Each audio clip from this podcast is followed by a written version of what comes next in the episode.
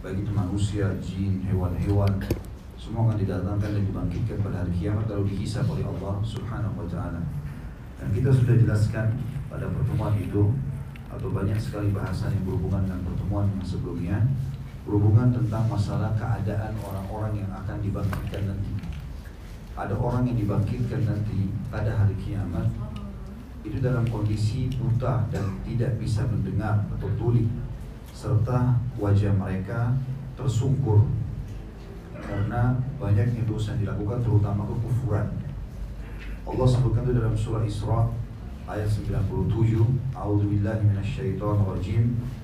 Wa nahsyuruhum yawmal qiyamati ala wujuhim umyan wa bukman wa summa. Dan pada hari kiamat kami mengumpulkan mereka nanti dengan wajah tersungkur dalam keadaan buta, bisu dan juga tuli. Juga sudah kita jelaskan bahwasanya akan dibangkitkan semua nanti makhluk pada hari kiamat manusia. Kita bicara lingkup manusia. Karena dijelaskan sini adalah manusia. Nabi SAW mengatakan wahai sekalian manusia, kalian akan dibangkitkan nanti dikumpulkan di hadapan Allah pada hari kiamat dalam keadaan telanjang kaki.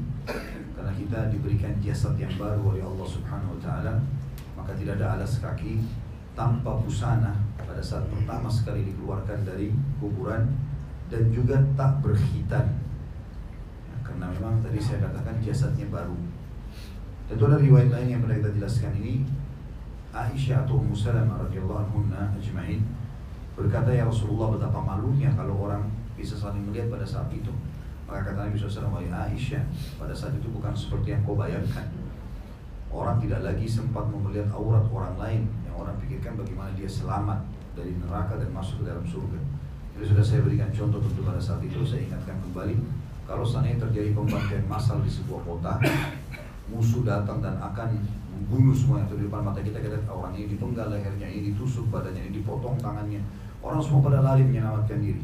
Dan kemudian di depan kita ada orang yang lari lawan jenis dengan tidak menggunakan busana. Apakah masih ada sempat syahwat pada saat itu? Itu jawabannya tidak. Syahwat itu akan muncul dalam kondisi tenang mungkin hening dan segala macam hal lah ya yang berhubungan dengan masalah ketentraman jiwa sehingga memang biologis itu bisa terlaksana. Maka di mahsyar beda tidak seperti itu keadaannya. Tentu tidak berbusana ini hanya sesaat saja. Pada saat awal dibangkitkan karena dalam hadis lain kata Nabi SAW uh, sesungguhnya orang yang paling pertama diberikan pakaian pada hari kiamat adalah Ibrahim alaihissalam lalu kemudian semua nabi-nabi akan diberikan pakaian lalu orang-orang beriman ya, menutupi badan mereka dan tubuh mereka dan itu dari cahaya putih yang terang atau pakaian mereka bercahaya. Sebaliknya orang kafir atau orang-orang yang bermaksiat kepada Allah itu akan diberikan baju dari ter yang panas. Ya, sehingga terbedakan di masyarakat itu mana orang yang beriman dan mana orang yang kafir. Kemudian juga tak berkhitan karena memang kita baru saja ya diciptakan kembali jasadnya sebagaimana hadis Nabi SAW kalian semua atau jasad kalian semua akan dimakan oleh tanah kecuali tulang ekor kalian dan yang darinya lah Allah akan membangkitkan kalian pada hari kiamat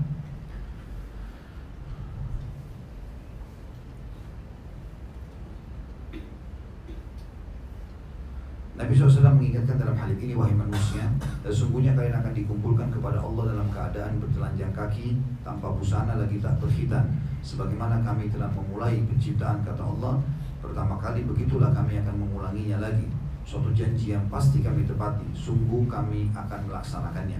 Surah Anbiya 104 yang dibaca oleh Nabi SAW Ketahuilah manusia pertama yang diberi pakaian adalah Ibrahim alaihissalam. Ketahuilah bahwa sejumlah orang dari umatku di bawah lalu mereka ditarik ke sebelah kiri. Maka aku mengatakan wahai Rob. Mereka berkata para sahabat.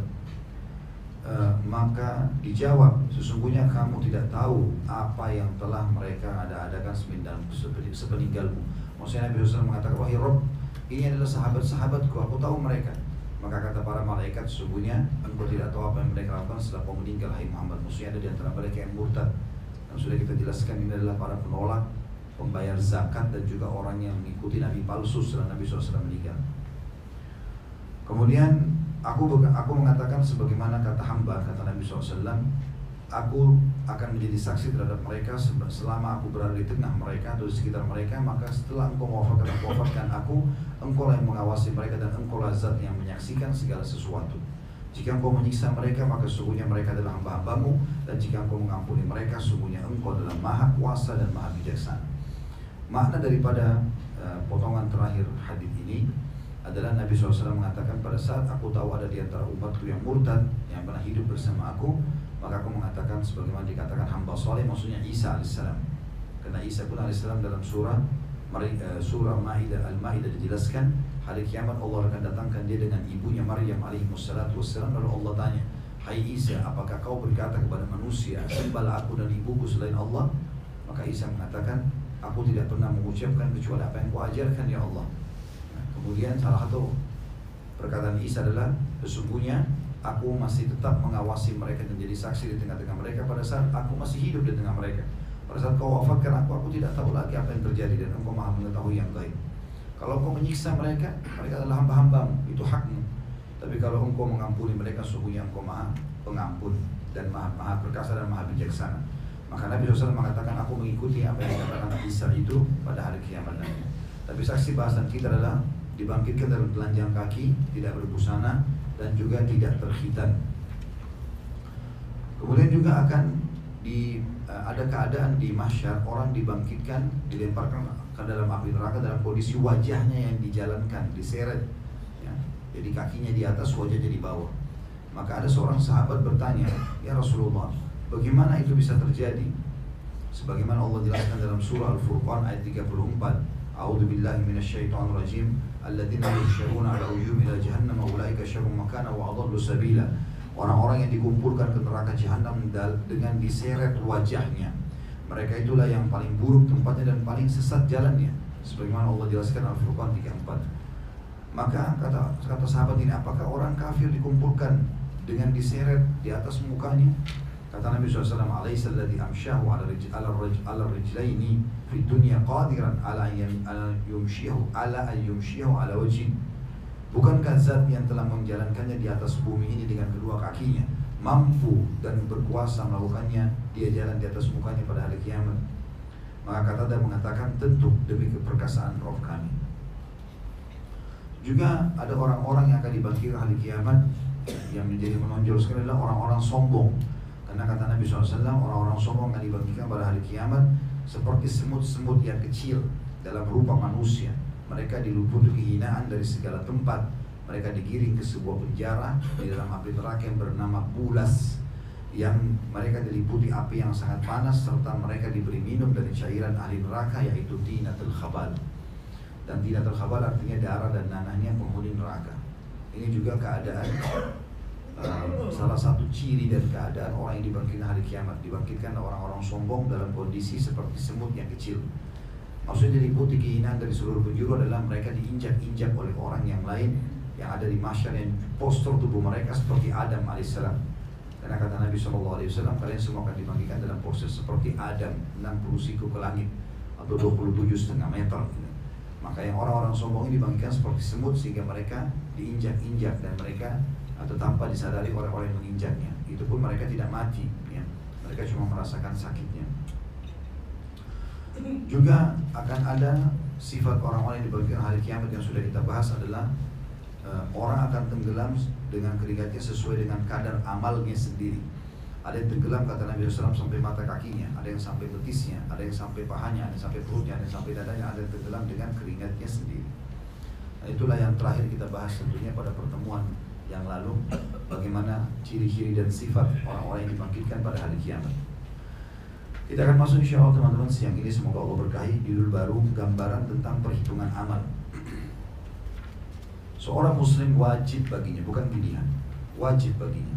Meyakini bahwasanya akan ada pertanggungjawaban dari amal yang dia lakukan. Bapak Ibu jangan terus-menerus membodohi diri sendiri.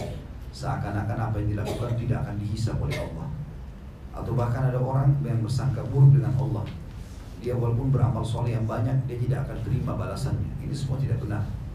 Salah satu kesempurnaan iman seorang muslim adalah yakin firman Allah Subhanahu wa taala faman ya'mal mithqala dzarratin faman ya'mal mithqala dzarratin khairan yarah siapa yang berbuat seperti biji sawi dari kebaikan seperti debu pasir kecil dia pasti akan diperlihatkan dan juga dia terima balasannya wa man ya'mal mithqala dzarratin syarran yarah dan semua yang dia lakukan dari kebuatan apa pun yang berbuat keburukan seperti biji sawi dia akan di, diperlihatkan dan akan dihukum karenanya. Tidak masuk di akal teman-teman sekalian. Seseorang leluasa melakukan satu perbuatan di satu perusahaan misalnya kayak antum begini lagi kerja di kantor memberikan segala macam andil energi, waktu, ide-ide kemudian tidak terima gaji dan tidak masuk di akal kalau ada orang di kantor kemudian dia melakukan banyak pelanggaran coret-coret tembok, tidak masuk kerja, tidak mengerjakan pekerjaan atau mencuri dan menipu lalu kemudian tidak dihukum, tidak, di, tidak dipecat, tidak diperingatkan, ini tidak mungkin. Itu sudah uh, kita bisa ambil pelajaran dari dari substansial kehidupan ini.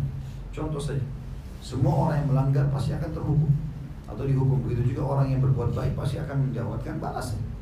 Kita senyum dengan orang, kita akan dapat senyuman kita dermawan dengan orang kita akan juga dilayani atau kita akan mendapatkan kedermawanan dari orang lain. Tapi kapan kita jahat, memukul, mengambil haknya orang lain, maka kita akan mendapatkan respon yang sama. Itu sudah Allah jadikan sebagai sebuah sistem di muka bumi dan akan berlaku juga pada hari kiamat. Tidak ada perbuatan baik yang Bapak Ibu kerjakan walaupun kecil kecuali Allah akan berikan balasannya dan tidak ada perbuatan buruk yang Bapak Ibu kerjakan kalau tidak sempat tobat di dunia kecuali pasti akan dihukum. Itu nggak mungkin. Ini salah satu konsep dasar yang harus jadi prinsip hidup kita. Dengan ini kita akan bisa termotivasi atau pemahaman ini bisa menjadi motivator utama agar seseorang selalu berbuat kebaikan di dunia dan berhati-hati ya begitu juga dia akan meninggalkan dosa dan dia juga berhati-hati ya, artinya dia tidak mau kehilangan amal soleh dia tidak mau juga melakukan perbuatan dosa kalau dia kerjakan dia akan sangat ketakutan dia akan berusaha meninggalkannya dan memperbaiki keadaannya semua ini karena adanya iman tentang hari kebangkitan. Dan memang ini tidak mungkin orang luput darinya. Sampai Allah SWT mengatakan dalam Al-Quran, La raiba Tidak ada keraguan dalam kejadian hari kiamat itu. Bahkan Allah SWT mengatakan, Iqtarabat sa'atu wa insyaqqal qamar. Sudah dekat sekali kiamat itu. Dan telah terbelah bulan. Maksudnya adalah kiamat akan berjata. Sekuat apa pun Bapak Ibu menjaga fisiknya, mengejar titelnya, jabatannya, memiliki tabungan, apa saja harapan dan angan-angan bertumpuk prestasi tetap akan meninggal dunia dan meninggal ini adalah prosesi untuk menuju kepada hisab Allah itu. Siapa yang berbuat baik dia masuk surga yang abadi selamanya dan siapa yang berbuat jahat dia akan masuk ke neraka. Dan kalau dia kafir bisa selamanya. Ya. oleh karena itu harus hati-hati teman-teman sekalian Dalil pertama diangkat oleh penulis tentang masalah gambaran perhitungan amal pada hari kiamat adalah surah Al-An'am ayat 62 A'udzu billahi minasyaitonir rajim. Ala lahul hukmu huwa asra'ul hasibin. Ketahuilah bahwa segala hukum pada hari itu ada padanya pada Allah dan dialah pembuat perhitungan yang paling cepat. Artinya pada hari kiamat kalian akan didatangkan lalu ditanya oleh Allah SWT satu persatu. Di dalam sebuah hadis yang sahih riwayat Bukhari kata Nabi SAW, tidak ada seorang pun di antara kalian kecuali akan berbicara dengan Tuhan yang berdua tanpa ada penterjemah. Allah akan tanya kenapa kau buat ini, kenapa kau buat itu. Dalam hadis lain tidak akan beranjak kaki seorang hamba sampai ditanya empat hari kiamat. Umurnya, hartanya, ilmunya, gitu kan, waktu luangnya, masa mudanya, di mana dia habiskan. Semua akan ada pertanggung jawabannya pada hari kiamat. Juga dalam surah Al-Insyiqaq ayat 7 sampai ayat 12, kebetulan di buku kita langsung ditulis ayatnya, e, terjemahnya maksud saya. Yang artinya maka ada pun orang yang catatannya diberikan dari sebelah kanannya maka dia akan diperiksa dengan pemeriksaan yang mudah. Wa amma man utiya fa fa sawfa yuhasabu hisaban yasira. Wa yanqalibu ila ahlihi masrur dan dia akan kembali kepada keluarganya maksudnya semua orang-orang beriman dengan gembira. Sedangkan orang-orang yang catatannya diberikan dari sebelah belakangnya maka dia akan berteriak celakalah aku dan dia akan masuk ke dalam api yang menyala-nyala atau neraka. Jadi teman-teman, saya mengingatkan diri saya dan juga antum sekalian supaya kita berhati-hati dengan amal-amal atau perbuatan yang kita kerjakan di muka bumi ini. Tidak usah peduli dengan penilaian manusia, tapi penilaian Allah Subhanahu wa taala. Selama Allah anggap baik, walaupun manusia tidak suka, nanti Allah akan buat manusia menyukainya. Dan kalau itu perbuatan buruk, sementara Allah tidak tidak suka Allah murka dan manusia suka jauhilah. Karena Allah akan bisa balik keadaan manusia membenci kita. Maka harus hati-hati teman-teman sekalian. Menjadi orang baik adalah hal yang baik. Hal yang sangat baik. Karena kalau kita patuh kepada agama kita jujur amanah tanggung jawab bagi sama orang tua bersedekah haji dan umroh berzikir baca Quran semua orang nilai kita baik. Sekarang saya saya pernah kasih gambaran teman-teman kalau mau tahu diri anda orang baik atau tidak ahli surga atau ahli neraka ini pernah ada nasihat seorang ulama tabiin kepada seorang khalifah. Dia tanya di mana posisiku? Aku yang masuk surga atau masuk neraka? Maka kata beliau Pertemukan diri anda dengan ayat Al-Quran.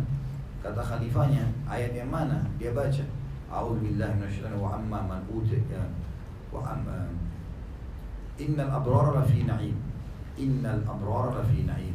Wa innal fujjara lafi jahim.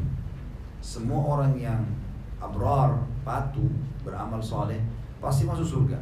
Dan semua orang yang fujar, pelaku maksiat dan pembangkang akan masuk neraka.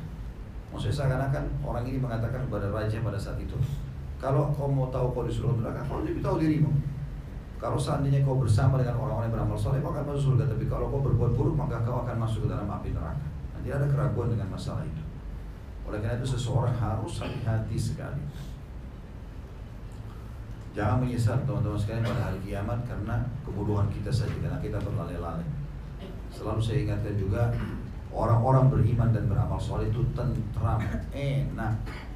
Bapak Ibu kalau beriman kepada Allah sudah namanya harum di teman-teman manusia karena orang soleh dan soleh disukai. Kalau dia meninggal, dia bisa tahu. Nah, orang kan cerita, Bapak Ibu sekarang bayangkan dirinya kalau meninggal. Apa penilaian orang kita bisa tahu diri kita.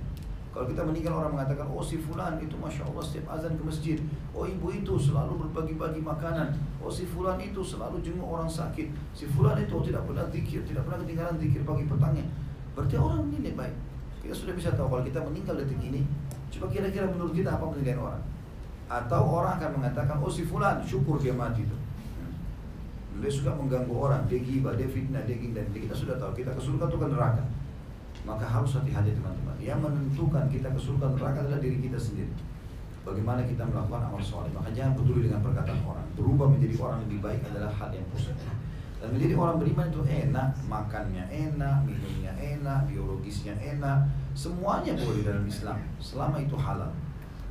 Dan orang yang menjadi orang-orang kafir hanya mendapatkan kebahagiaan dunia sebentar, kemudian di akhirat mereka akan masuk ke dalam siksa api neraka.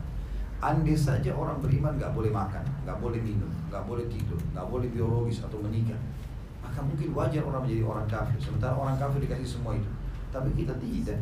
Bahkan kita lebih bahagia daripada orang-orang yang kufur kepada Allah Subhanahu Wa Taala. Hidup kita jelas, di dunia jelas mana perbuatan baik, mana perbuatan buruk dan kita tahu sendiri langsung balasannya kalau sholat dapat apa, puasa dapat apa, bakti morobah dapat apa, jujur dapat apa, amanah dapat apa, semua ada. Dan kita juga sudah tahu kalau kita berbuat dosa ada hukumannya apa dan kita sudah tahu cara untuk meninggalkan atau taubat daripada kesalahan tersebut. Di dunia kita dapat itu, di akhirat juga kita dapat yang terbaik. Lalu kenapa tidak menjadi orang yang beriman kepada Allah SWT dan orang yang patuh kepadanya? Di yang lain, di dalam surah Al-Haqqah ayat 18 sampai 29, Allah SWT berfirman yang artinya, pada hari itu kamu dihadapkan kepada Rabbmu, tidak ada sesuatu pun dari kamu yang tersembunyi bagi Allah. Adapun orang yang kitabnya diberikan di tangan kanannya, maka dia berkata, ambillah, bacalah kitabku ini. Ya, nanti ciri-cirinya Bapak Ibu selamat di hari kiamat adalah Bapak Ibu akan menerima buku amalnya berterbangan langsung ke tangan kanan kita. Begitu diterima dengan tangan kanan berarti kita akan selamat. Allah bilang, adapun orang-orang yang diberikan kitabnya di tangan kanannya, maka dia berkata kepada orang-orang di sekitarnya, ambillah bukuku ini, bacalah kitabku ini. Sesungguhnya aku yakin bahwasanya suatu saat aku akan menerima perhitungan terhadap diriku. Maksudnya, aku akan masuk ke dalam surga.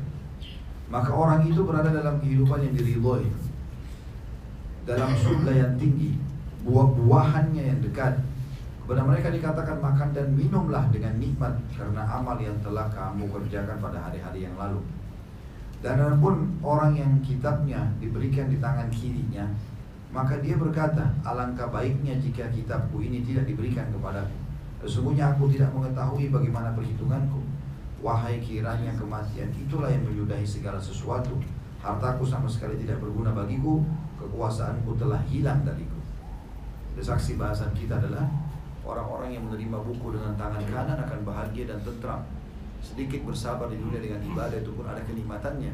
Dulu di majelis ilmu seperti ini asal ikhlas ada kenikmatannya dapat ilmu. Kita sholat ada kenikmatan setelah sholat kita seperti lepas dari sebuah beban yang berat ya, kita bisa berdoa dan curhat kepada Tuhan kita. Kemudian juga kalau kita berdoa kalau kita baca Quran kita berzikir kita bersedekah semua itu punya kenikmatan tersendiri. Yang semestinya itu dijadikan sebagai program hidup seorang muslim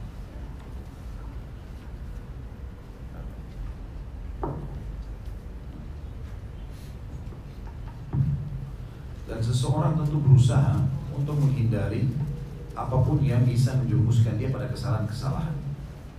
Tidak usah teman-teman membuat kesempatan orang lain menilai kita negatif. Apalagi kalau memang itu dinilai negatif secara agama, ya. Allah Subhanahu Wa Taala mengingatkan kita melalui lisan orang-orang itu. Kita segera perbaiki. Jangan sampai kita terjerumus dalam kesalahan-kesalahan yang lebih jauh lagi. Kata penulis di sini, Diangkat sebuah hadis yang menjelaskan tafsir makna surah Al-Haqqah ayat 18 sampai 29, Al-Insyiqaq 7 sampai 12, Al-An'am ayat 62. Dari hadis Abu Hurairah radhiyallahu anhu bahwasanya Nabi SAW bersabda la tazulu qadama 'abdin yawmal qiyamah hatta yus'alu an arba'ah an umri fi ma afnah wa an ilmi fi madza amila bih wa an malihi min aina iktasab wa fi ma anfaqa wa an jismihi fi ma ablah tidak akan tergelincir kedua kaki hamba sehingga ditanya tempat tentang empat perkara maksudnya hari kiamat tidak akan terjadi maksudnya tidak akan pindah ke surga atau neraka. Sampai tanya empat ini. Ahli surga ditanya ahli neraka akan ditanya. Tentang umurnya untuk apa ia habiskan? Mana umur waktunya? Di mana dia habiskan? Pada hal-hal yang baik atau tidak? Kita punya waktu terbatas 24 jam sehari. Satu jam 60 menit. Satu menit 60 detik. Kita harus maksimalkan semua itu. Dengan amal-amal soleh kebaikan-kebaikan prestasi-prestasi Kata Atta bin Abi Rabah, sungguh malu seseorang itu kalau dibangkitkan hari kiamat, kemudian dia melihat buku amalnya tidak ada urusan dunia, tidak ada juga urusan akhirat. Dunia pun tidak ada prestasi dunianya, akhirat pun tidak ada. Kerjanya cuma buang-buang waktu saja. Yang kedua tentang ilmunya, apa yang telah dilakukannya. Sudah dapat ilmu harusnya diamalkan, baik bagi diri sendiri atau ajarkan pada orang lain. Tentang hartanya, Khusus harta ditanya dari dua tempat. Dari mana ia dapatkan dan untuk apa ia nafkahkan. Sedangkan atau serta yang keempat adalah tubuhnya Untuk apa ia gunakan. Jadi tubuhnya juga punya hak ya. Bapak Ibu kalau ngantuk, tidur, istirahat Lapar, makan, haus, minum ya. Kita gerah, mandi Semua itu adalah peringatan. Allah subhanahu wa ta'ala memerintahkan kita merawat jasad ini. Digunakan di mana? Urwa bin Zubair rahimahullah salah satu ulama tabi'in masyhur. Ayahnya Zubair bin Awam pernah kakinya dipotong diamputasi karena ada penyakit yang mengharuskan dia harus dipotong. Waktu dipotong dia pingsan orang itu. Pada saat dia bangun dia tanya orang-orang sekitarnya mana telapak kakiku yang dipotong tadi? Tabibnya heran kenapa dia minta telapak kakinya untuk apa? Maka dia datangkan lalu kemudian dia pegang lalu dia mengatakan segala puji bagi Allah yang telah mengamanahkan kau padaku selama 40 tahun tidak pernah aku pakai kau sekalipun maksiat kepada Allah. Jadi orang-orang menggunakan jasadnya pada ketaatan kepada Allah Subhanahu wa taala. Mumpung masih muda teman-teman sekalian, niatkan berdoa kepada Allah agar bisa haji dan umrah. Jangan tunggu sudah tua, sudah lumpuh, ya, harus pakai kursi roda baru pergi. Anda tidak mampu. Tapi dari sekarang mumpung masih sehat, teman-teman kerja di kantor begini mulai menabung pergi ibadah-ibadah umroh haji ya.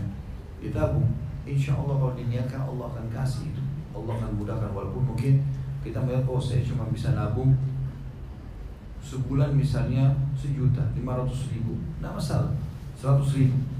Ya, saya yakin itu semua insya Allah bisa lakukan. Maka dia lakukan. Insya Allah banyak terjadi ya. Kasus Begitu dia sudah kumpulkan mesti 10 juta, 20 juta, tadinya harus haji misalnya 30 juta, Allah SWT mudah. Terkumpul sebagiannya, ada orang yang nambahkan biaya untuk umroh misalnya. Maka itu hal yang sangat baik karena kita tidak pernah tahu ya amal mana yang akan diterima oleh Allah SWT, mana yang tidak diterima. Maka kita coba maksimalkan itu. Mumpung masih kuat, masih mudah, ya habiskan pada ketaatan. Selanjutnya hadis Aisyah radhiyallahu beliau meriwayatkan sabda Nabi SAW barang siapa yang dipersulit hisabnya maka dia telah atau dia telah diazab atau dia diazab. Hal ini juga memberikan gambaran kepada kita kalau mau selamat pada hari kiamat Bapak Ibu sekalian, maka jangan banyak bertanya. Kalau seandainya Allah Subhanahu wa taala yang Maha Kuasa dan Maha Bijaksana itu mengatakan engkau telah melakukan ini, engkau telah melakukan itu di tempat ini, disaksikan oleh itu, maka setia terima saja. Dari sekarang bawa resep itu. Karena tidak ada orang yang mendebat atau mendebati Allah hari kiamat kecuali nanti akan dipersulit hisabnya. Maka nggak boleh kita membantah. Karena Allah SWT maha kuasa, maha adil. Allah beda dengan manusia. Ya. Semuanya disampaikan dengan keadilan. Disebutkan dalam riwayat yang lain. Aku bertanya, bukankah Allah berfirman maka saya maaf, Aisyah berkata, saya ulangi hadis tadi. Nabi SAW bersabda barang siapa yang dipersulit hisapnya maka ia ia diadab atau disiksa. Aku bertanya, bukankah Allah SWT telah berfirman, maka adakah orang-orang yang orang adakah maka adapun orang yang catatannya diberikan di sebelah kanannya maka dia akan diperiksa dengan pemeriksaan yang mudah dan dia akan kembali kepada keluarganya yang orang-orang yang beriman dengan gembira. Al-Insyiqaq ayat 7 sampai 9. Beliau menjawab, ini adalah al-arq atau pemeriksaan dan tidak ada seorang pun yang dihisab pada hari kiamat melainkan ia akan binasa. Hadis ini diriwayatkan Bukhari di jilid 11 halaman 400. Hadis ini sekali lagi menguatkan tentang adanya mahsyar hari kebangkitan tempat yang akan kita dibangkitkan lalu kita akan dihisab oleh Allah Subhanahu wa taala. Karena beliau mengatakan semua buku catatan yang akan, yang akan dicatat dari pertama kita lahir sampai kita menghembuskan nafas terakhir itu semuanya akan diberikan. Kalau diterima sisi kanan berarti dia pasti akan selamat. Kalau diterima sisi kiri atau riwayat lain bagian belakang maka dia akan masuk ke dalam api neraka. Aisyah berkata radhiyallahu atau Aisyah radhiyallahu meriwayatkan juga bahwa ia mengatakan Nabi SAW bersabda berlaku benarlah saling saling dekatlah dan berikanlah kabar gembira karena amal seseorang tidak akan memasukkannya ke dalam surga. Bertanya termasuk engkau wahai Rasulullah kata Nabi SAW termasuk aku juga. Hanya saja Allah meliputiku dengan rahmatnya. Hadis ini diriwayatkan Bukhari dari 11 halaman 294. Hadis ini teman-teman memberikan gambaran kepada kita bahwasanya seseorang masuk dalam surga itu dengan rahmat Allah Subhanahu wa taala. Tidak ada yang lain. Dan rahmat Allah luas sekali. Seseorang dengan merengek dan manja kepada Tuhannya, maka dia akan dapatkan apa yang dia butuhkan.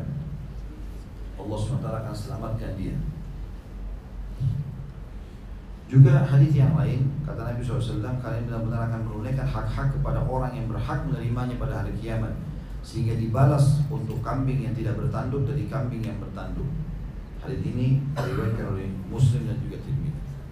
Jadi teman-teman jangan punya masalah dengan siapa pun karena kalau kita punya masalah sama seseorang di dunia maka kalau kita tidak sempat mengembalikan haknya di dunia ya, maka pastikan kita akan dituntut pada hari kiamat. Tidak ada yang bisa luput hari kiamat. Semuanya akan diambil. Makanya saya ulangi kembali hadis Nabi SAW Ketahuilah seseorang di antara kalian eh, Kalau ada seseorang di antara kalian memiliki masalah dengan saudaranya Di dunia ini selesaikan Sebelum datang hari tidak ada, tidak ada dinar dan dirham Kata para sahabat ya Rasulullah lalu apa di sana? SAW Amalmu atau dosanya dia Jadi kita rugi, kita yang sholat, kita yang puasa Lalu kita bayarkan kepada orang lain untuk apa? Dan juga saking adilnya Allah SWT sampai Allah menghakimi dua domba kenapa mereka saling bertanduk. Sebagaimana hadis setelahnya Abu Hurairah meriwayatkan radhiyallahu bahwasanya Nabi SAW atau menuturkan sabda Nabi SAW la yahtasimanna kullu syai'in yawm al-qiyamah hatta syatani fi man tahata. Artinya segala sesuatu benar-benar akan berbantah-bantahan pada hari kiamat. Hingga dua ekor kambing tentang perkara tanduk menanduk. Hadis ini diriwayatkan oleh Ahmad dengan sanad jadi artinya kita pasti akan ditutup pada hari kiamat. Bukan cuma kita, domba pun yang tidak ada masuk ke surga, mereka cuma dihisap oleh Allah SWT kata sebagian ulama bahkan mereka selalu dimusnahkan yang penting Allah sudah hisap mereka maka itu saja ya akan diadili Allah SWT bagi kita teman-teman sekalian. Orang lain punya masalah sama kita biarkan saja. Tapi jangan kita yang punya masalah sama orang lain. Ummu Salamah radhiyallahu meriwayatkan Rasulullah SAW berada di rumahku dan tangannya memegang siwak. Lalu beliau memanggil dayangnya atau pelayan Ummu Salamah hingga tampak kemarahan di wajahnya. Kemudian Ummu Salamah pergi ke eh, Kemudian Ummu Salamah pergi ke kamar Ternyata menjumpai pelayan tersebut sedang bermain domba kecil. Jadi Nabi SAW lagi datang ke rumah istrinya Lalu Nabi SAW panggil pembantunya. Kata pembantu tidak jawab-jawab panggilan Nabi Sampai Ummu Salamah mendatangi kamar pembantu tadi Sambil melihat dia sedang bermain domba dengan domba kecil. Maka Ummu Salamah mengatakan Mengapa aku melihatmu bermain-main dengan domba kecil ini Padahal Nabi SAW memanggilmu? Nabi lagi panggil kau loh, kenapa kau nggak jawab? Maka dia menjawab kepada langsung dia datang kepada Nabi SAW lalu dia mengatakan tidak demi zat yang telah mengutusmu dengan hak. Maksudnya aku benar-benar tidak dengar demi Allah yang telah mengutusmu. Aku tidak mendengarmu.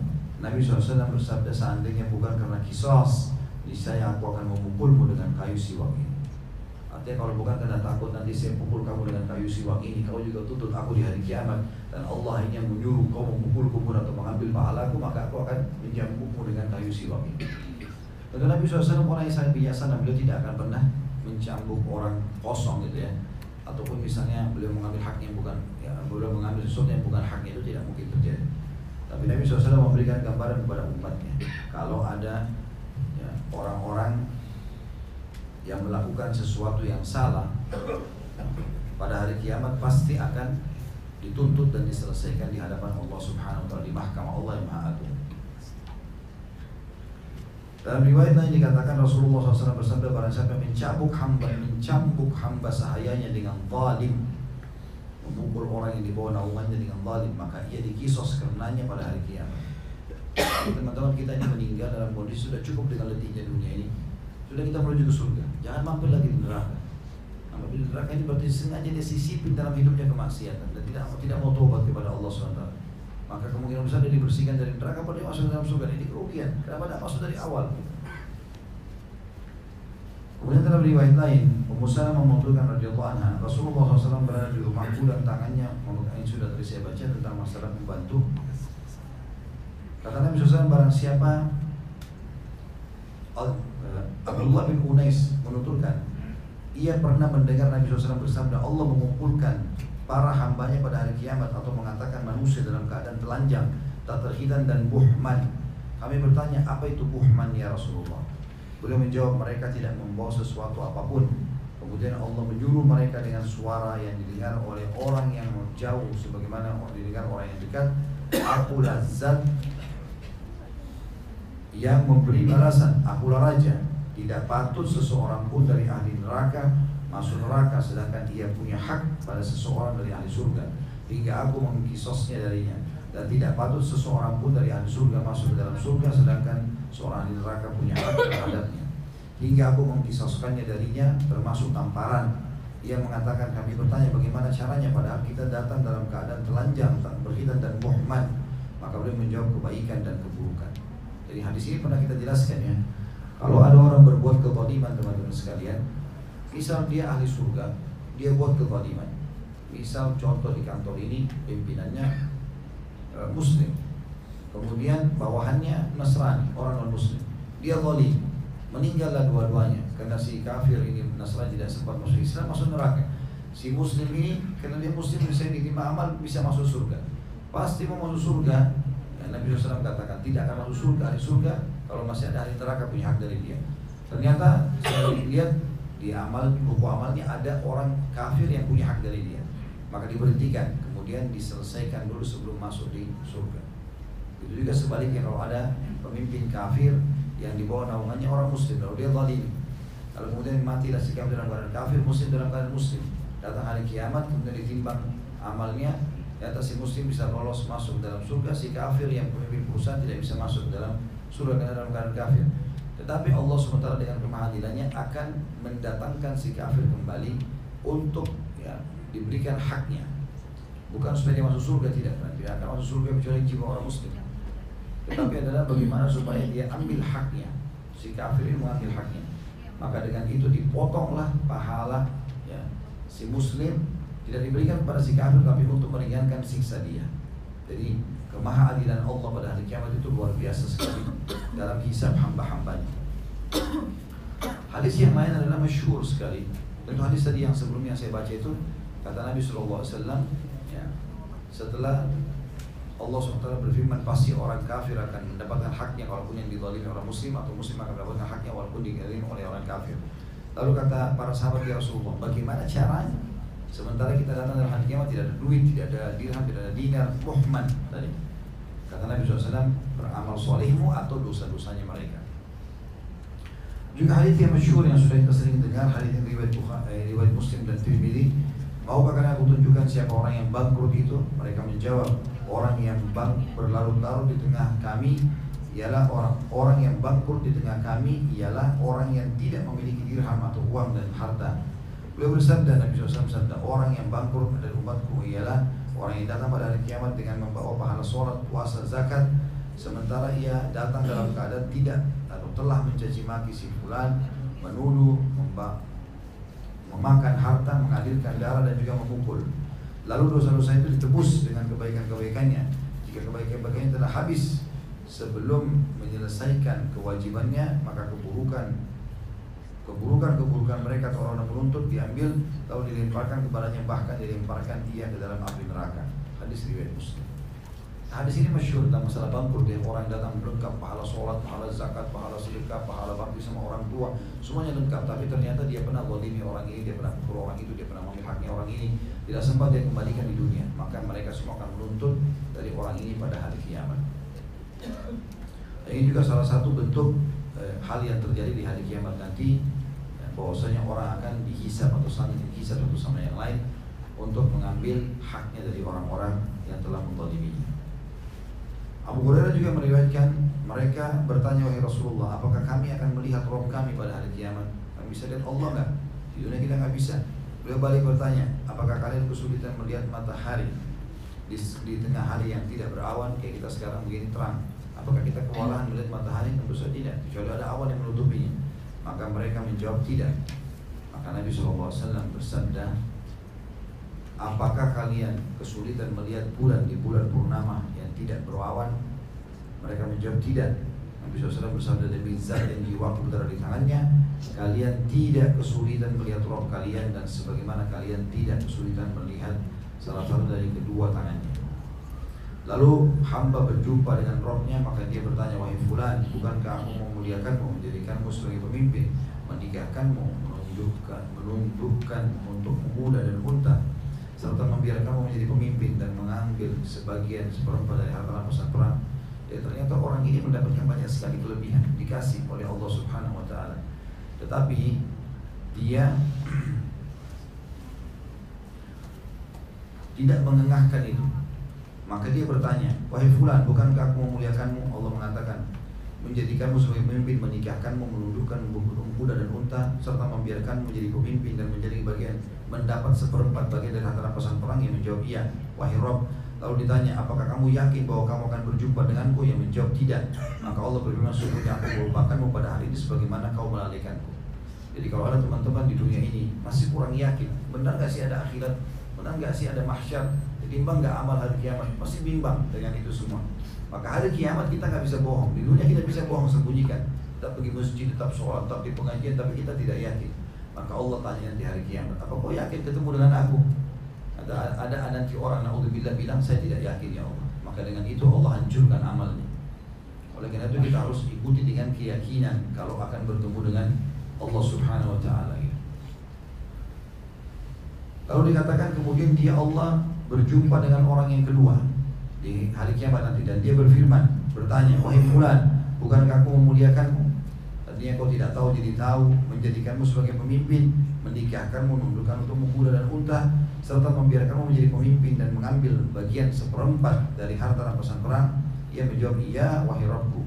Lalu dia bertanya apakah kamu yakin bahwa kamu akan berjumpa denganku?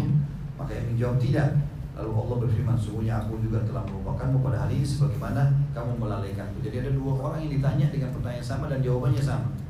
Lalu datanglah orang yang ketiga, kemudian dia Allah berjumpa dengan orang yang ketiga, lalu dia bertanya, wahai fulan, Allah mengatakan, bukankah aku memuliakanmu, menjadikanmu sebagai pemimpin, menikahkanmu, menundukkan untukmu kuda dan unta, serta membiarkanmu menjadi pemimpin dan mengambil bagian seperempat dari rampasan perang, maksudnya pemimpin atau panglima perang. Ia menjawab iya wahai Rabbku. Dia bertanya lagi, Allah bertanya, apakah kamu yakin bahwa saya kau akan berjumpa denganku? Yang menjawab, wahai Rob, aku beriman kepadamu, kitabmu dan para rasulmu, aku sholat, berpuasa, sedekah, dan memuji kebaikan, memuji kebaikan menurut kemampuan. Dia menjawab, Allah berfirman, di sini, ya, jika begitu, kemudian dia berfirman, sekarang kami akan mendatangkan saksi atasmu. Ia berpikir dalam hatinya siapa yang akan menjadi saksi atas dirinya. Lalu mulutnya dikunci dan tangannya eh, dan ditanyakan kepada pahanya. Berbicara maka paha, daging dan tulangnya berbicara tentang amalnya. Hal itu agar ia tidak bisa membuat alasan terhadap dirinya. Itulah orang munafik, itulah orang yang dibenci oleh Allah Subhanahu wa Hadis riwayat Muslim. Jadi ada tiga orang nanti ditanya hari kiamat yang ditanya itu tujuannya untuk membuktikan kepada orang kalau kau tidak yakin atau kau berbohong pun akan terbongkar pada hari kiamat. Orang yang jujur akan selamat. Dua orang yang pertama juga ditanya, kau akan beri, kau yakin dengan perbuatanmu ini? Kau yakin dengan aku? Kata mereka tidak. Maka Allah masukkan dalam api neraka. Orang yang ketiga yang ditanya oleh Allah SWT adalah orang munafik. Dia tahu dua orang temannya tadi masuk neraka, maka dia pun berbohong di hari kiamat. Dia mengatakan, Ya aku yakin ya Allah, aku sholat, aku puasa, aku gini, aku gini, aku gini. Maka Allah SWT mengatakan, sekarang kami akan ada saksi. Benar nggak apa yang kau ucapkan ini? Dia pikir nanti akan datang orang-orang yang dia kenal di dunia. Ternyata tidak mulutnya dikunci dan seluruh anggota tubuhnya akan memberikan kesaksian pada hari kiamat sehingga dia tidak bisa mengelak dan dilemparkan ke dalam api neraka.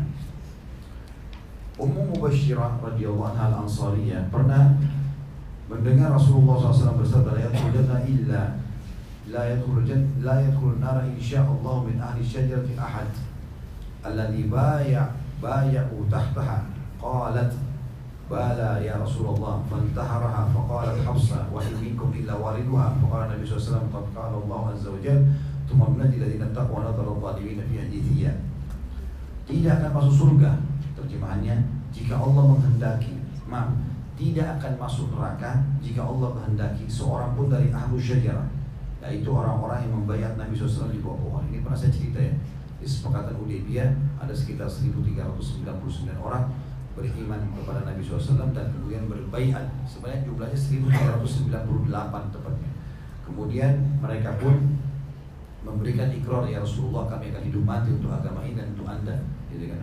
Maka Nabi SAW mengatakan kalian semua masuk surga. Ya, ahli surga ini semua akan masuk. Maka Nabi SAW mengatakan tidak akan masuk neraka satupun dari ahli pohon tadi yang membayar Nabi di pohon memberikan janji setianya. Maka Nabi SAW pun sempat ya, dipotong pembicaraan beliau oleh Rasulullah sambil mengatakan tidak ya Rasulullah Allah SWT berfirman tidak ada seorang pun di antara kecuali akan melewati neraka itu maka kata Nabi SAW bukankah Allah Subhanahu Wa Taala juga berfirman kemudian kami selamatkan orang-orang yang bertakwa dan kami akan biarkan orang-orang zalim dalam neraka jahanam hina dan dan dalam keadaan berlutut jadi artinya orang-orang yang beriman akan lolos nanti di timbangan amal hari kiamat dan orang-orang yang kafir akan masuk dalam api neraka. Juga nanti akan datang persaksian pada hari kiamat di mahsyar. Seperti Nabi Nuh alaihissalam didatangkan nanti hari kiamat. Kita semuanya akan jadi saksi. Kita tahu yang sudah baca Al-Quran, tahu ada surah Anbiya, surah Al-Qasas, surah Nuh. Ya. Itu banyak menceritakan para nabi-nabi di antaranya Nabi Nuh alaihissalam. Nanti datangkan hari kiamat Nabi Nuh Lalu ditanya kepadanya, apakah kamu telah menyampaikan hai Sudah dakwain belum ini agama? Kata ia, iya wahai Rabbku, sudah. Kemudian umatnya ditanya, apakah ia telah menyampaikan kepada kalian? Uniknya, kata Nabi SAW, tiba-tiba umatnya karena takut masuk neraka mengatakan belum ada seorang pemberi peringatan pun yang datang kepada kami. Padahal Allah ceritakan dalam Al-Quran Nabi Nuh tinggal di kaumnya selama seribu tahun kurang lima puluh, lima puluh tahun. Lalu yang menjawab Muhammad dan umatnya Nabi SAW waktu itu Allah tanya siapa saksimu kalau sudah sampaikan kata Nabi Nuh Muhammad dan umatnya. Karena kita diajarkan oleh Nabi SAW tentang kisah para nabi-nabi. Dan Al-Quran berkali ditawarkan dengan kisah-kisah itu. Di antara kisah Nabi Nuh AS maka Rob bertanya siapa yang menjadi saksimu? Yang menjawab Muhammad dan umatnya. Lalu kalian dihadapkan untuk menjadi saksi. Lalu beliau membaca dan demikian pula kami telah menjadikan kamu umat Islam umat yang adil dan pilihan kata Nabi SAW wasata. Artinya adil.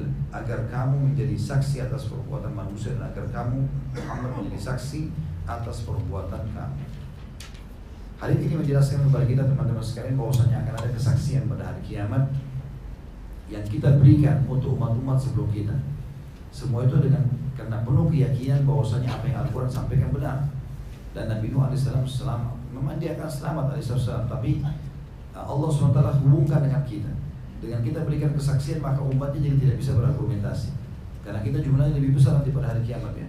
Sebagaimana Nabi SAW mengatakan aku diperlihatkan umat sangat banyak memenuhi lembah dan gunung-gunung bukit-bukit pada hari kiamat nanti. Sangat banyak. Kita semua sepakat datang mengatakan Nuh telah menyampaikan pada kaumnya. Sampai ditanya siapa saksimu, dia beliau mengatakan oh, Muhammad dan umat. Ini salah satu keadaan yang terjadi nanti pada hari kiamat. Yang terakhir dalilnya adalah Adi bin Hatim radhiyallahu menuturkan sabda Nabi SAW, "Ma minkum min ahadin illa sayukallimuhu rabbuh, laisa bainahu bainahu bainahu turjuman." Tidak ada seorang pun dari kalian melainkan rohnya akan bercakap-cakap dengannya tanpa berterjemah di antara keduanya. فينظر أيمن منه فلا يرى إلا ما قدم من عمله وينظر أشأم منه فلا يرى إلا ما قدم وينظر بين يديه فلا يرى إلا النار تلقاء الوجه tidak ada seorang pun dari kalian Melainkan Rabbnya akan bercakap-cakap dengannya. Kita semuanya akan ketemu Allah hari kiamat di masyar Allah akan bicara langsung. Pakai bahasa apa kita tidak tahu. Tapi Allah akan bicara dengan bahasa yang kita mengerti. Karena yang menciptakan kita dan seluruh bahasa yang ribuan jumlahnya. Semua itu torab sontibu Ini semuanya Allah SWT yang ciptakan. Tanpa ada penerjemah di antara keduanya ketika ia melihat sebelah kanannya orang ini ia tidak melihat kecuali amal yang telah diperbuatnya ia melihat sebelah kiri ia tidak melihat kecuali amal yang telah dilakukannya ia ber, ia, terlihat, ia melihat di antaranya maka ia tidak melihat kecuali neraka jahanam maka takutlah kepada Allah walaupun hanya dengan sedekah separuh kurma.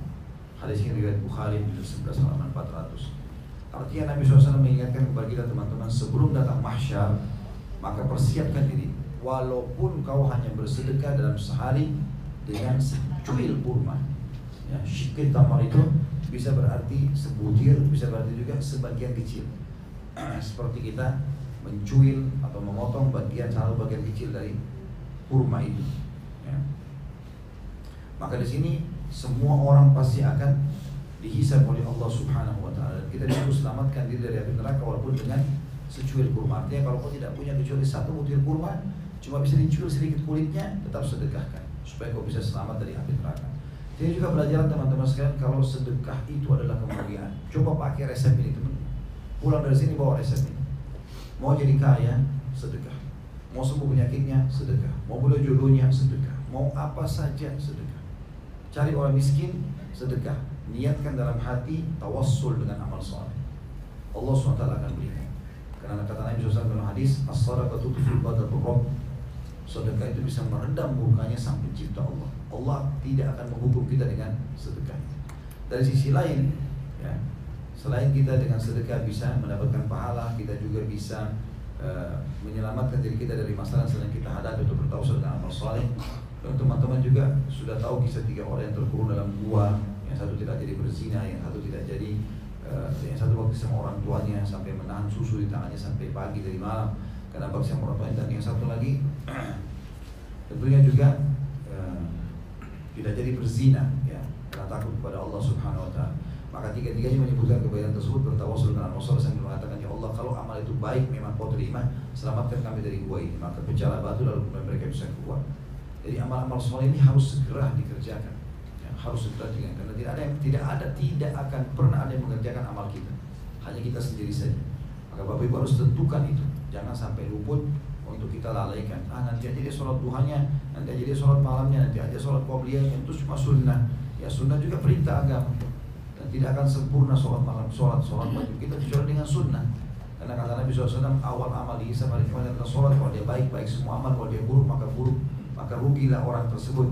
Dan ketahuilah kalau sholat wajibnya kurang maka Allah suruh cari sholat sunnahnya agar melengkapkan sholat sunnah sholat wajibnya itu itu dia senang dan itu berlaku pada yang lainnya seperti puasa Ramadan dibantu dengan puasa Senin Kamis ayam berbit dan seterusnya seperti zakat dibantu oleh sedekah seperti haji juga dibantu oleh umroh dibantu juga oleh umroh. Baik ini e, bahasan tentang dua bab tadi ya. Dan insya Allah kita coba buka pertanyaan kalau ada yang mau bertanya. Dan pertemuan akan datang insya Allah kita coba bahas rupa-rupa adab pada hari kiamat. Mohon maaf karena sudah jam satu lewat jadi saya tidak lanjutkan babnya. Saya pernah mendengar wajah orang di akhirat nanti tergantung amalnya. Misal ada yang seperti tikus, anjing dan seterusnya.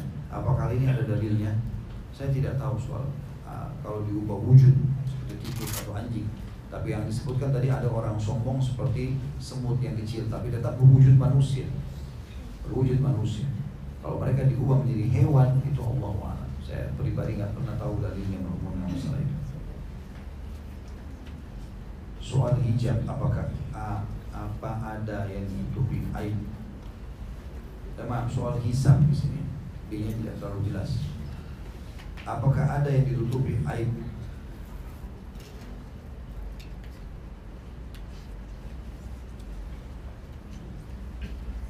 Apakah ada yang ditutupi aib aib seseorang? Dan bagaimana agar aib seseorang ditutupi?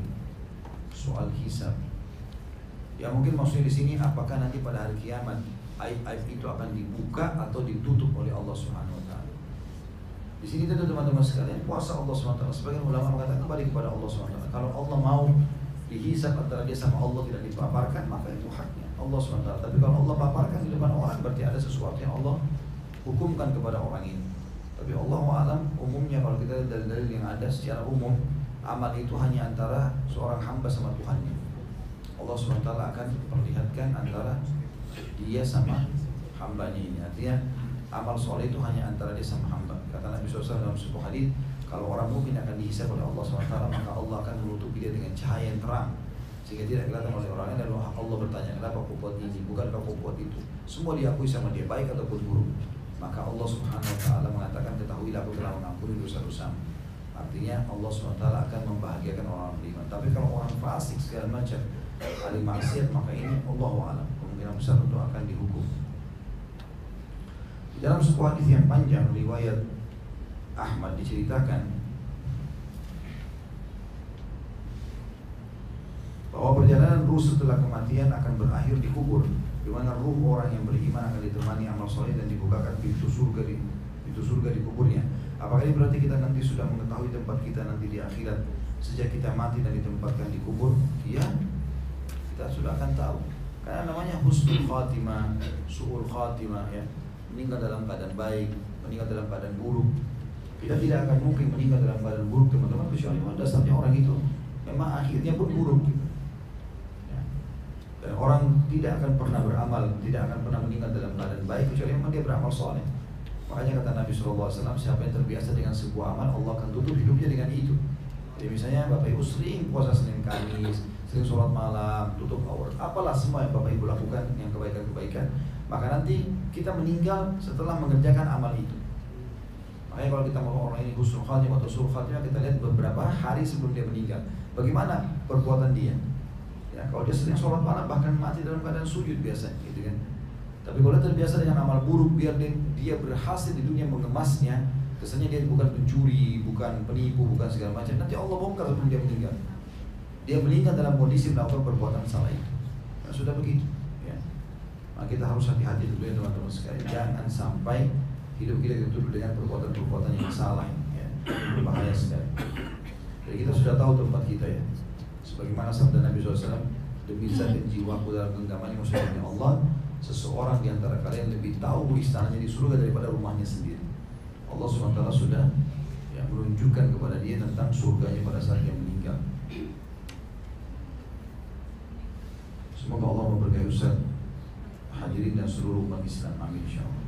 Apakah saya zalim kepada kawan kantor Baik secara sengaja maupun tidak? Berupa gibah, bercanda Maupun marah. Apakah saya minta maaf? Maaf apabila Apabila saya zalim kepada kawan kantor Baik secara sengaja maupun tidak? Berupa gibah, bercanda maupun marah Apakah saat minta maaf harus didetailkan bentuk kezalimannya agar tidak diselesaikan urusan ini di akhirat. Kalau Bapak Ibu mau aman, iya. Maaf ya saya pernah gibah kamu gitu. Minta keriduannya karena memang harus dia maafkan kita turut dari hati. Saya pernah begini begini. Contohnya, contohnya saya pernah saya pernah didatangi orang di pengajian. Sebentar.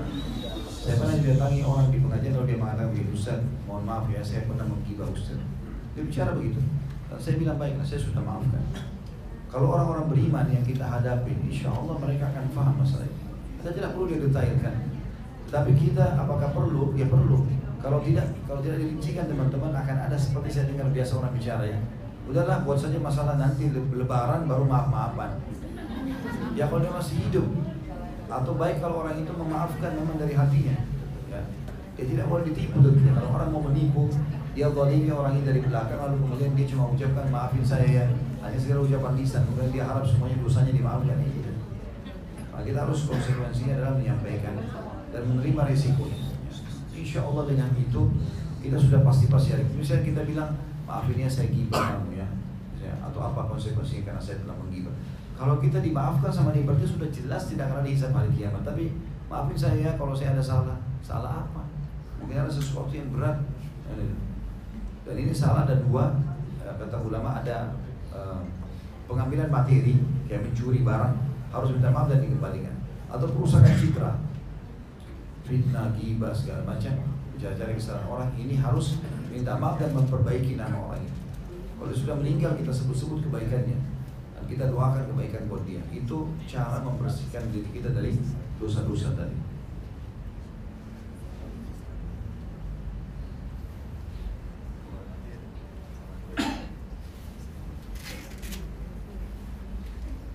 Apa bedanya? Ila rabbina munqalibun.